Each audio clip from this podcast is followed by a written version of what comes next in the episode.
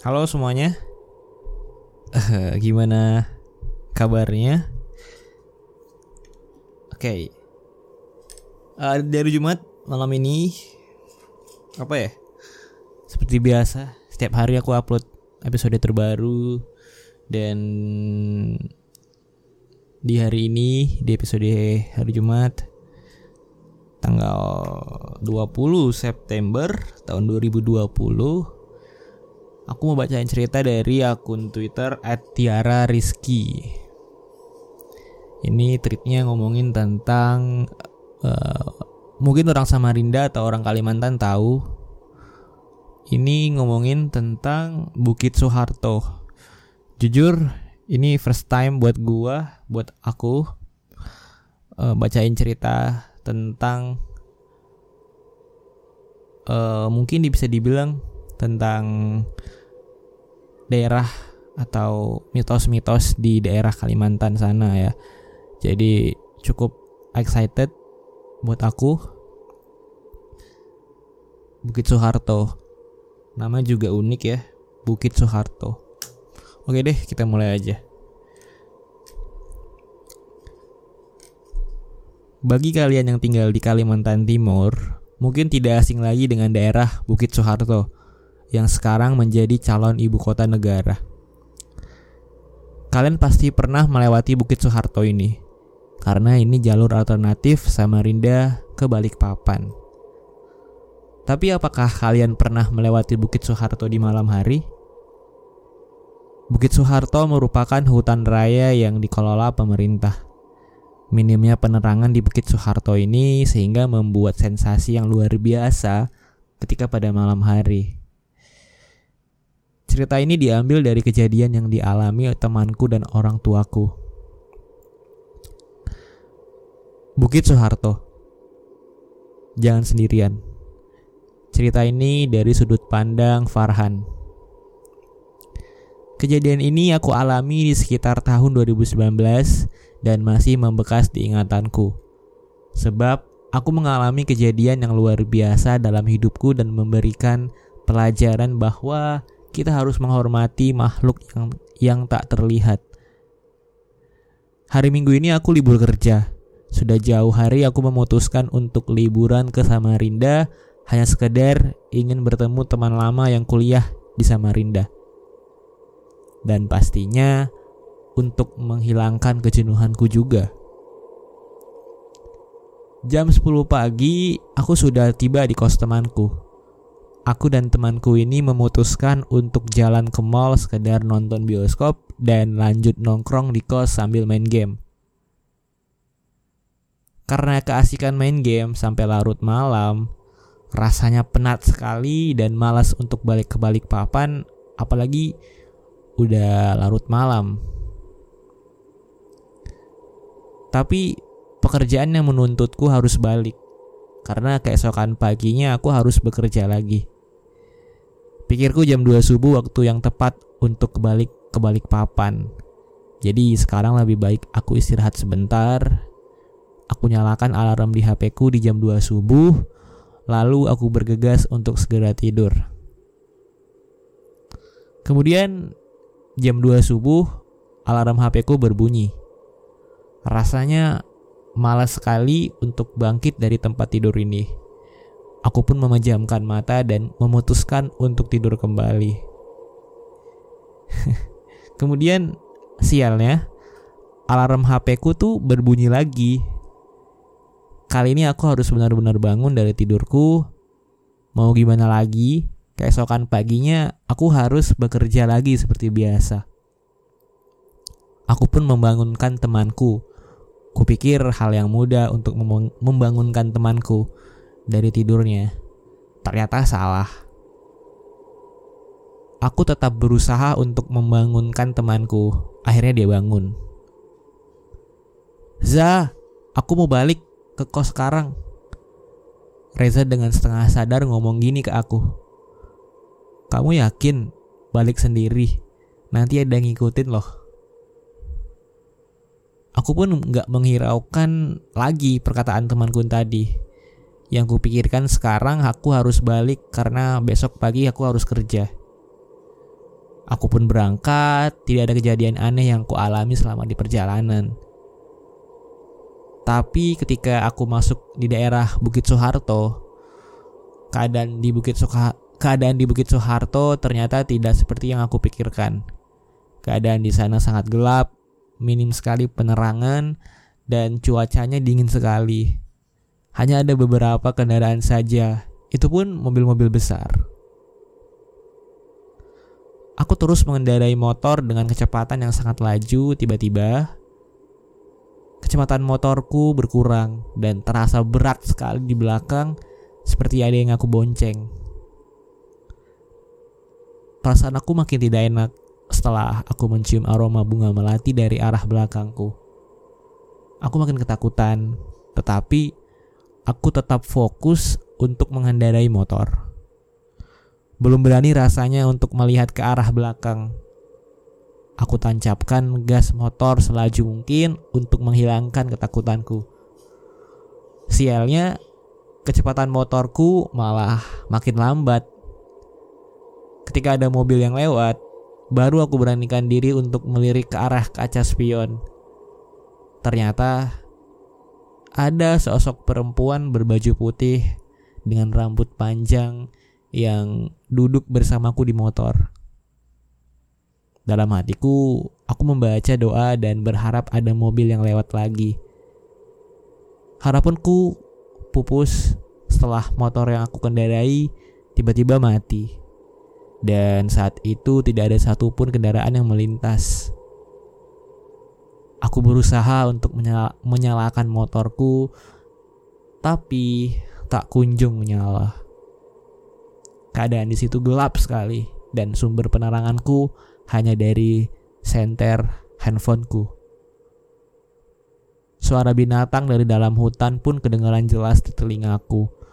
Rasanya semua makhluk di situ telah menyambutku diiringi dengan angin yang sangat kencang. Ketakutanku semakin meningkat ketika mendengar sosok perempuan berbicara persis dari arah belakangku. Telingaku jelas sekali dengar suara perempuan memintaku untuk ikut dengannya. Pikiranku makin kacau, aku bingung harus bagaimana lagi. Aku terus berusaha menghidupkan motorku, tapi tetap saja hasilnya nihil.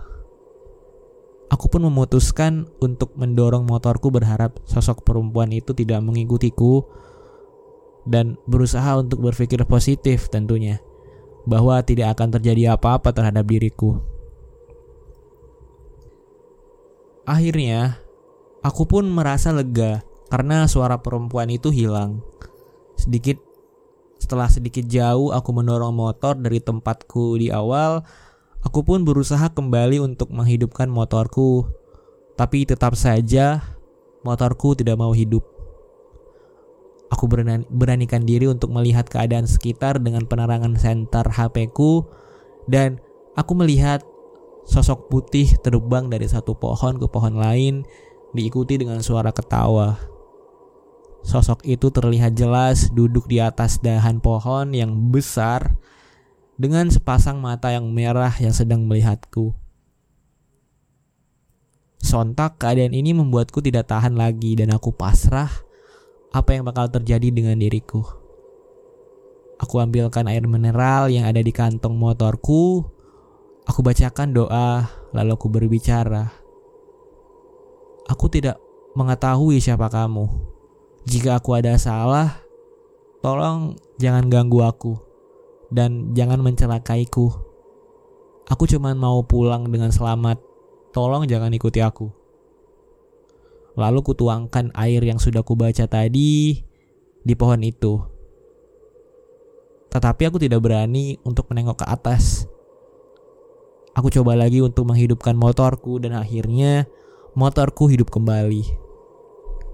Aku langsung tancapkan gas selaju mungkin.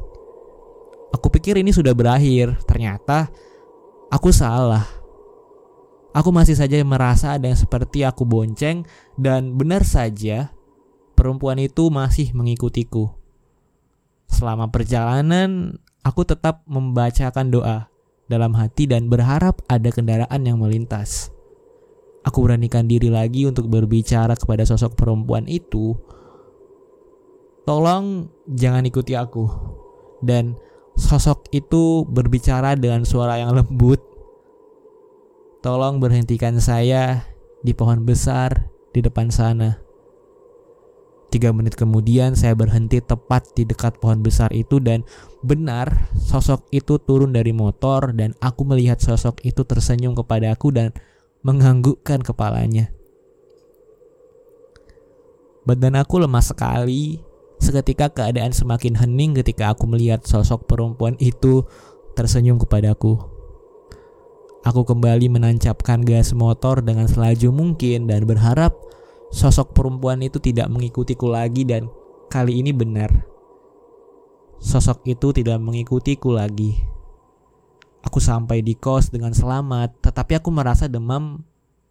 Mungkin aku merasa demam karena efek shock dengan apa yang aku alami dan kejadian ini membuatku trauma untuk jalan sendiri ke Samarinda. Enam bulan setelah kejadian itu, akhirnya aku ke, ke Samarinda lagi, tapi kali ini aku tidak sendirian. Aku ditemani oleh temanku. Aku pulang kerja sekitar pukul 6 sore dan kita memutuskan untuk pergi setelah maghrib. Sebenarnya ada rasa takut tersendiri untuk melewati Bukit Soeharto pada malam hari. Tapi pikirku pukul 8 malam masih banyak yang melintasi Bukit Soeharto. Apalagi kali ini aku bareng temanku. Ya, jadi aku anggap ya udah aman-aman aja. Tapi Benar saja, suasana di Bukit Soeharto masih banyak kendaraan yang melintasi, tetapi perasaanku masih saja was-was. Selama perjalanan, temanku yang nyetir motor dan aku masih dengan perasaan yang khawatir. Temanku berhenti di sebuah warung. Katanya dia ingin membeli minuman dan aku mengiyakan saja permintaan temanku ini. Tetapi aku tetap di motor Ya biar saja temanku sendiri yang membeli minum karena aku sudah merasa aneh ketika melihat sebuah warung itu. Warung itu penerangannya hanya memakai obor dan orang yang berada di warung itu pun berpakaian seperti zaman dulu. Pakai sarung, rambut disanggul, dan pandangan matanya kosong. Rasaku aneh sekali ada warung di sekitar sini yang penerangannya hanya memakai obor. Sudahlah, aku tidak mau membahas sekarang dengan temanku. Akhirnya setelah temanku membeli minum, kita langsung melanjutkan perjalanan lagi. Pikiranku seperti ada yang menyuruh untuk menengok ke belakang. Aku pun menengok ke arah belakang dan benar saja tidak ada warung di situ. Lalu yang aku lihat tadi dengan temanku itu apa? Aku diam saja, pikirku. Bukan sekarang yang waktu yang tepat untuk cerita ke temanku. Mungkin setelah melewati Bukit Soeharto baru aku cerita ke temanku dengan apa yang aku lihat. Setelah melewati Bukit Soeharto, lalu aku cerita kepada temanku dengan apa yang aku lihat dan rasakan. Temanku juga merasakan keganjilan terhadap ibu penjaga warung itu. Katanya, penjaga warung itu tidak menjawab ketika aku tanyakan harga minuman ini. Tatapan matanya kosong, raut muka yang pucat dan diamnya ibu itu membuat bulu kuduku merinding. Lalu langsung ku kasih saja uangku dan ibu itu memberikan angsulan uang yang kutaruh di kantong motor dan spontan kita meriksa uang yang ada di kantong motor. Dan tidak ada uang di kantor motor di kantong motor. Yang ada hanya di daunan kering saja yang ada di kantong motor. Oh. Oh, man. Jadi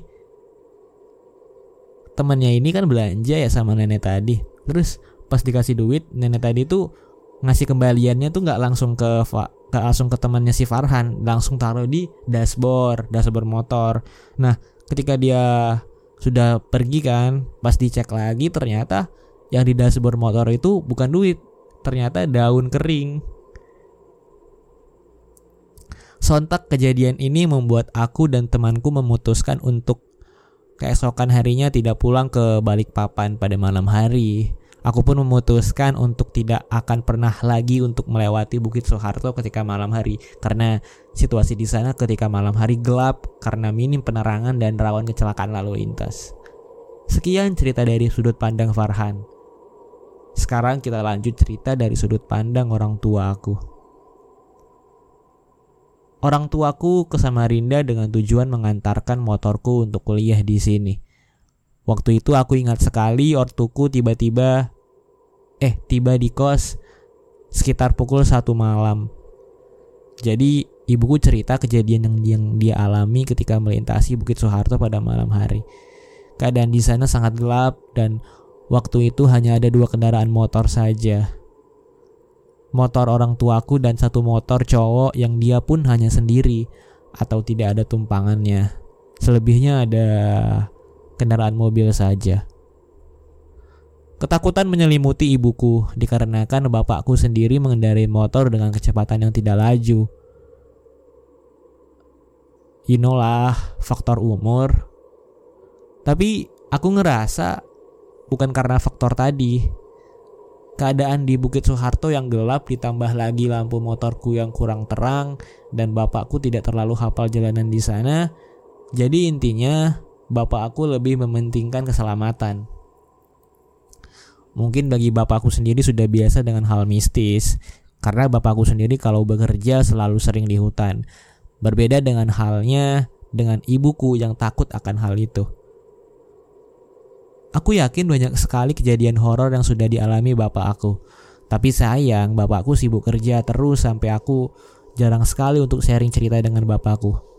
Padahal aku sudah sering meluangkan waktu kalaupun ada libur kuliah seminggu, aku langsung pulang ke rumah. Tapi bapakku ini memang jarang di rumah. Kalaupun bapakku pulang ke rumah, bukan malah istirahat atau diam di rumah, dia malah kerja yang lain. Oke lanjut. Waktu itu ibuku sangat takut dikarenakan seperti ada yang aneh di belakang. Kayak ada yang mengikuti dari belakang tetapi ibuku tidak menceritakan hal itu ke bapakku. Karena pada dasarnya kalau suku Pasir itu kalau ada hal aneh jangan sampai ditegur karena bisa berakibat fatal. Intinya hiraukan saja. Orang tuaku melihat sosok laki-laki yang sudah cukup rentan di seberang jalan sana yang ingin menyeberang dengan membawa obor. Sosok laki-laki itu berjalan untuk menyeberang melewati kami. Sontak orang tuaku membiarkan orang tua itu dulu untuk menyeberang melewati orang tuaku. Dan ia berjalan menuju ke arah hutan lalu melanjutkan perjalanan lagi. Orang tuaku hanya terdiam bengong, entah langsung refleks saja memberhentikan sepeda motor. Sungguh kejadian yang tidak ada akal, tidak ada masuk akal karena di luar nalarku Mana mungkin ada orang di sekitar sini dan tujuannya berada di sini dan tujuannya berada di sini itu apa? Orang tuaku tidak mengambil pusing dengan kejadian yang barusan dialaminya dan tetap fokus melanjutkan perjalanan. Orang tuaku pun sampai di Samarinda sekitar pukul satu malam. Sungguh perjuangan yang sangat luar biasa. Sudah habis teman-teman. Ceritanya dari Mbak Tiara Rizky. Mungkin itu aja ya tentang Bukit Soeharto dan kisah-kisah horornya. Kalau ada kalau teman-teman ada yang mau sharing ceritanya ke aku dan ke teman-teman dengerin horor bisa langsung DM ke Instagram baca horor atau DM ke Twitter baca horor. Atau mungkin bisa email ke dengerin horor at gmail.com Oke itu aja dari aku Iksan. Aku mengucapkan terima kasih Selamat malam